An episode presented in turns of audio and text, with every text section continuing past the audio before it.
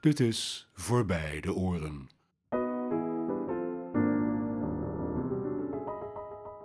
Podcast over muziek en filosofie door Lodewijk Muns.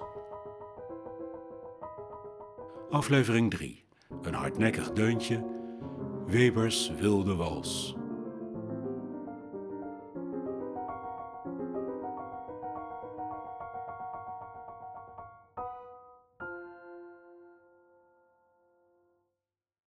Het is nog maar zelden te horen, maar was ooit een grote favoriet. En voor anderen een hinderlijke oorworm, een deuntje dat tegen je wil blijft hangen. De melodie die bekend staat als Webers laatste muzikale gedachte of Webers laatste wals. Door een reeks toevalligheden kwam ik het binnen korte tijd verschillende keren tegen. Misschien omdat ik als het ware was afgestemd op die melodie. Het zijn die ontmoetingen en de onvermoede verbanden daartussen die de melodie fascinerend maken. Niet als muziekstuk, maar als een klein stukje cultuurgeschiedenis. Want over die melodie zelf valt weinig goeds te zeggen. Het is al lang alom bekend dat Webers laatste muzikale gedachte geen werkje is van Carl Maria von Weber en ook niets met de dood te maken heeft. Het is niet eens een echte wals. Je zou het misschien beter een Lendler kunnen noemen. Lendler, de volkse oervorm van de wals, zonder dat karakteristieke pa pa pa pa dat de wals zijn wervelende karakter geeft.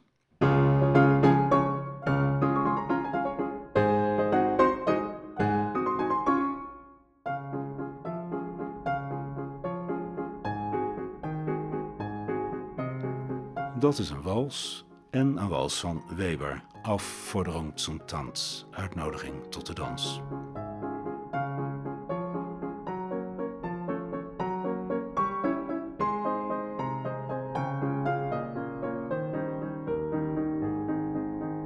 Aangezien het dat andere werkje, dat valse walsje, ontbreekt aan vergelijkbare muzikale charme, moeten we de vroegere populariteit ervan ergens anders aan toeschrijven. Dat zal dan vooral de suggestieve werking zijn van die betiteling, Webers laatste muzikale gedachte, in het Frans La dernière pensée musicale de Weber. Weber stierf op zijn 39ste in Londen. Hij was al doodziek toen hij de reis ondernam in het laatste stadium van tuberculose. Bezorgd om zijn gezin had hij niettemin de verplichting op zich genomen daar operavoorstellingen en concerten te dirigeren. Wat gebeurd kan zijn, is dat Weber daar in Londen toevallig een werkje bij zich had van een jongere collega, Carl Gottlieb Reissiger, en dat dat in zijn nagelaten papieren werd gevonden. We moeten net aan de verdienzucht van de muziekmarkt toeschrijven dat Reissigers walsje kort na Webers dood werd uitgegeven als zijn laatste muzikale snik. Op soortgelijke wijze werden de veronderstelde laatste gedachten op de markt gebracht van Vincenzo Bellini, ook jong overleden, en van Beethoven. Ook Schubert's uh, postume liedbundel Schwanengezang, Zwanenzang, kunnen we rekenen tot deze categorie van laatste gedachten. Eric Satie heeft die praktijk geparodieerd met zijn pianostukjes Avant-dernière pensée, voorlaatste gedachten, uit 1915. Ik kom erop terug. Deze uitweidingen zouden je nieuwsgierig gemaakt moeten hebben naar dat deuntje waarvan ik heb beweerd dat het aan muzikale charme ontbreekt. Ik laat het horen op een piano uit die tijd.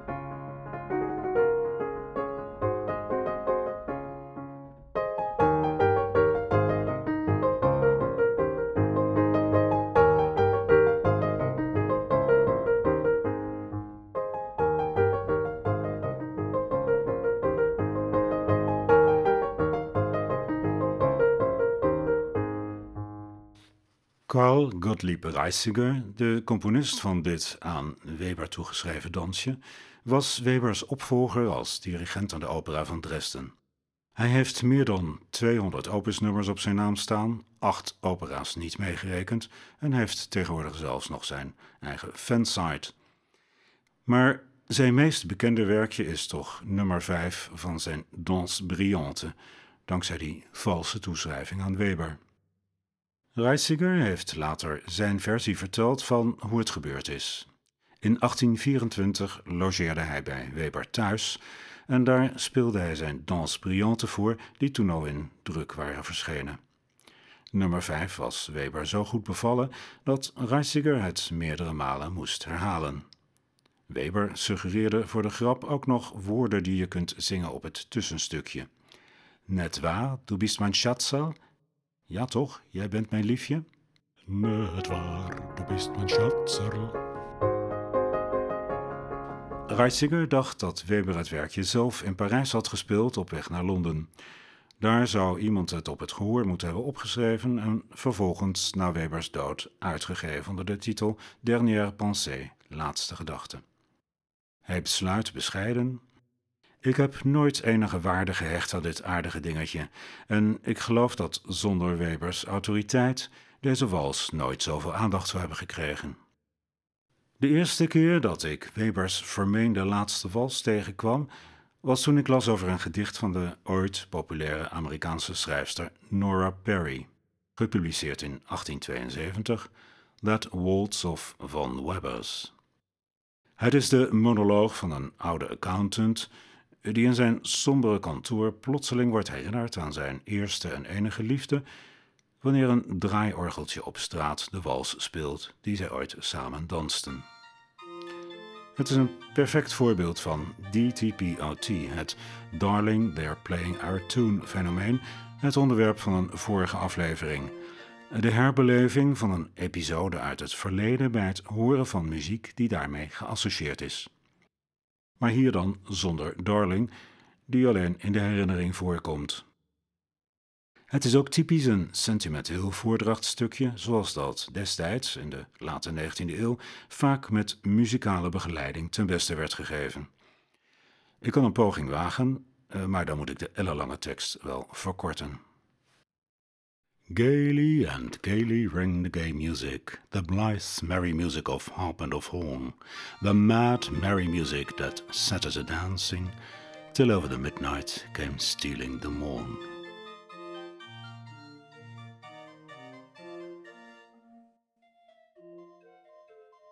And just as the dawn came stealing and stealing, the last of those wild Weber waltzes began. I can hear the soft notes now appealing and pleading, and I catch the faint sound of the sandalwood fan.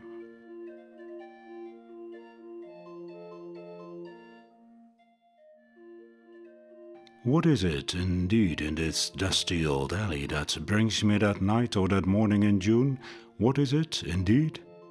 I laugh to confess it, a hand organ grinding a creaking old tune. But somewhere or other I caught in the measure that waltz of von Weber's, and all came, that night or that morning, just there at the dawning, when I danced the last dance with my first and last flame. Een andere toevallige en onwillige toehoorder van Reisigers hardnekkige deuntje was de Deense filosoof Søren Kierkegaard, oftewel Kierkegaard. 30 jaar oud, in mei 1943, bezoekt hij voor de tweede keer Berlijn. Op 10 mei noteert hij in zijn dagboek dat hij zich in zeer slechte toestand voelt, op het punt van instorten. Onderweg, tijdens de overnachting in Straalzoend, werd ik bijna gek toen ik boven mij een jong meisje piano hoorde spelen, onder andere Webers laatste wals. De laatste keer dat ik in Berlijn was, was dat het eerste stuk dat ik hoorde in de Tiergarten, door een blinde man gespeeld op een harp. Het lijkt alsof alles alleen maar bestaat om herinneringen op te halen. Een muzikaal déjà vu dus, of liever déjà oui. Het is ook een soort DTPOT, Darling, They're Playing Our Tune, maar in dit geval met negatieve gevoelswaarde. Het voorval heeft voor Kierkegaard een bijzondere betekenis omdat hij gefascineerd is door het fenomeen herhaling. Als de tijd onomkeerbaar is en het leven een ononderbroken stroom, als ieder moment uniek is in ieders subjectieve beleving, is herhaling dan eigenlijk wel mogelijk? Wat wil dat zeggen, herhaling? Hij schrijft erover een eigenaardig en nogal cryptisch boekje, een mengeling van filosofie en fictie, getiteld Herhaling, een essay in experimentele psychologie. Experimentele psychologie. Het reisje naar Berlijn moet gezien worden als een experiment. Een experiment met de eigen beleving, geen experiment in de wetenschappelijke zin. Dat reisje valt tegen. Het blijkt onmogelijk de plezierige ervaringen van het vorige bezoek te dupliceren. De conclusie? Dat herhaling onmogelijk is. Dat is er natuurlijk ook als je herhaling ziet als een perfecte duplicatie. Als je tweemaal dezelfde theatervoorstelling bezoekt of tweemaal een kop koffie drinkt, zijn er veel overeenkomsten, maar de ervaring in zijn facetten is telkens uniek. Kierkegaard legt hierbij geen verband met muziek, maar muziek bestaat waarschijnlijk meer dan elk ander medium bij de gratie van herhaling. Dat heeft voor een deel te maken met de beperking van ons geheugen, maar vooral gaat het daarbij om het scheppen van een cadans, een regelmatige afwisseling van zwaarder en lichter, een beweging heen en weer. Het tik-tak van de klok of de metronoom, het hoempapa van de wals. Ook Muzikale frasen worden vaak herhaald, zoals in Reisigers walsje. De noten zijn dan telkens dezelfde, maar ze de tweede keer horen staat niet gelijk aan de eerste keer.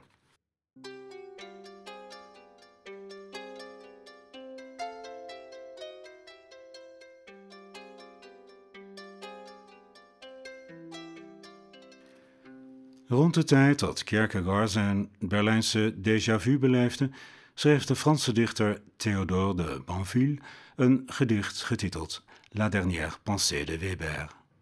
Liefhebbers van het Franse kunstlied zullen de eerste regels onmiddellijk herkennen.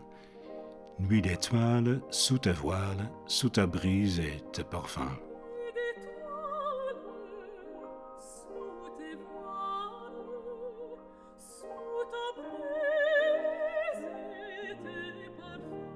Het is de tekst van een van Debussy's vroegste liederen. Niemand schijnt te hebben opgemerkt dat de frasering van het gedicht nauw aansluit bij de openingsmaten van Reisigers dansje, en zij het niet helemaal noot voor noot. Nuit d'étoiles, sous ta voile, sous ta brise et tes parfums. Het komt overeen, maar tegelijkertijd wordt het gedicht erdoor doodgeslagen. Het is moeilijk om de tekst, die gaat over sluiers van sterren en overleden liefdes, te associëren met de hobbelige bas en de yada-da-da-da melodie van het dansje. Debussy liet de oorspronkelijke titel van het gedicht achterwege, ongetwijfeld omdat we bij hem van Webers zogenaamde dernière pensée niets terugvinden. Maar ook het in de tekst geïmpliceerde dansritme heeft hij genegeerd.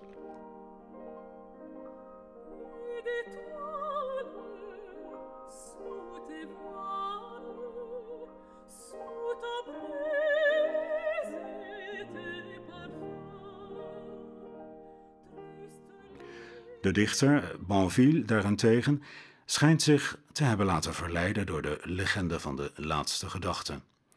Dat was voor hem voldoende om het melodietje te veredelen met het poëtische aura van de Duitse romantiek.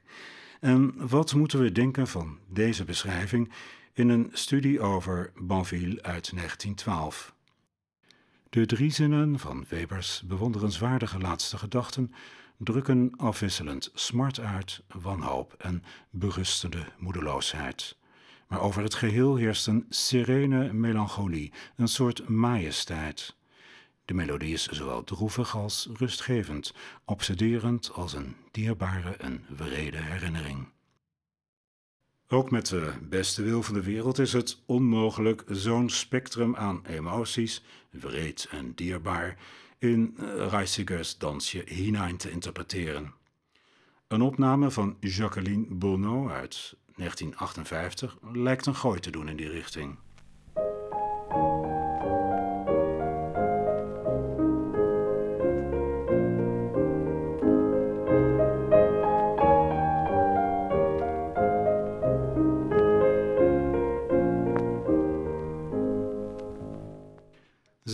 Hector Berlioz, die Reisiger ontmoette tijdens zijn concertreis door Duitsland in 1844, merkte op dat deze in Parijs nauwelijks bekend is, behalve door die lieflijke en melancholieke wals, gepubliceerd onder de titel Webers laatste gedachte. Douce et mélancolique, eh, dat is een verrassende karakterisering. Ook Edgar Allan Poe was onder de indruk van het valse aura van de Dernière Pensée. Hij maakte Reisekes melodietje tot favoriet van zijn morbide en overgevoelige Roderick Usher in The Fall of the House of Usher uit 1839. Het verhaal wordt opgetekend als de herinnering van Ushers vriend, de getuige van zijn ondergang. Ik zal altijd een herinnering meedragen aan de vele plechtige uren die ik zo alleen met de heer van het huis Usher heb doorgebracht. Zijn lange geïmproviseerde klaagzangen zullen mij altijd in de oren blijven klinken. Zo blijft mij onder meer pijnlijk in gedachten een zekere eigenaardige perversie en intensivering van de wilde melodie van de laatste wals van Von Weber. Deze tegenstrijdige karakteriseringen van Reisigers onbenullige melodietje blijven verbazend. Poe's allitererende wees, The Wild Air of the Last Waltz of Von Weber, eh, kunnen de oorsprong zijn geweest van Nora Perry's sentimentele gedicht dat ik eerder voordroeg. Laat ik tot besluit en om een eind te maken aan die hardnekkige oorworm een van Satie's voorlaatste gedachten laten horen, avant-dernière pensée. Lichtgewicht muziek, nadrukkelijk antisentimenteel, een dadaïstische parodie op romantische clichés. Drie stukjes, alle drie van een tekst voorzien, geschreven boven de noten, maar het schijnt niet de bedoeling te zijn dat je die tijdens de uitvoering ook laat horen. Maar ja, dan heb je er als luisteraar ook niets aan. Ook voor de pianistische interpretatie geeft hij absurde aanwijzingen, vergelijkbaar met de Uber-interpretation van Reisigers dansje. Zing serieus, met beide benen op de grond, zonder glans. Ik laat nummer 2 horen, Obad, omdat ook dat een soort walsje is. Het is opgedragen aan Satie's collega en vriend, Paul Ducas. Een verloofde onder het balkon van zijn verloofde. Sluimer niet, schone slaapster. Luister naar de stem van uw geliefde.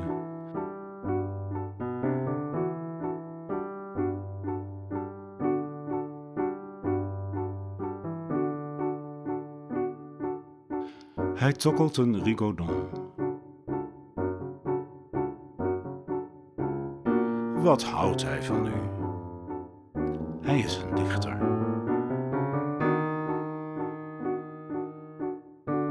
Hoort u hem wel? Hij gniffelt misschien. Nee, hij aanbidt u, lieve schone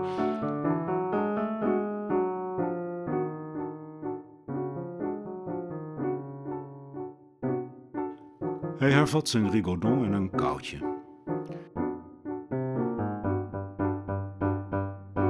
Wilt u hem niet beminnen? Maar hij is toch een dichter. Een oude dichter.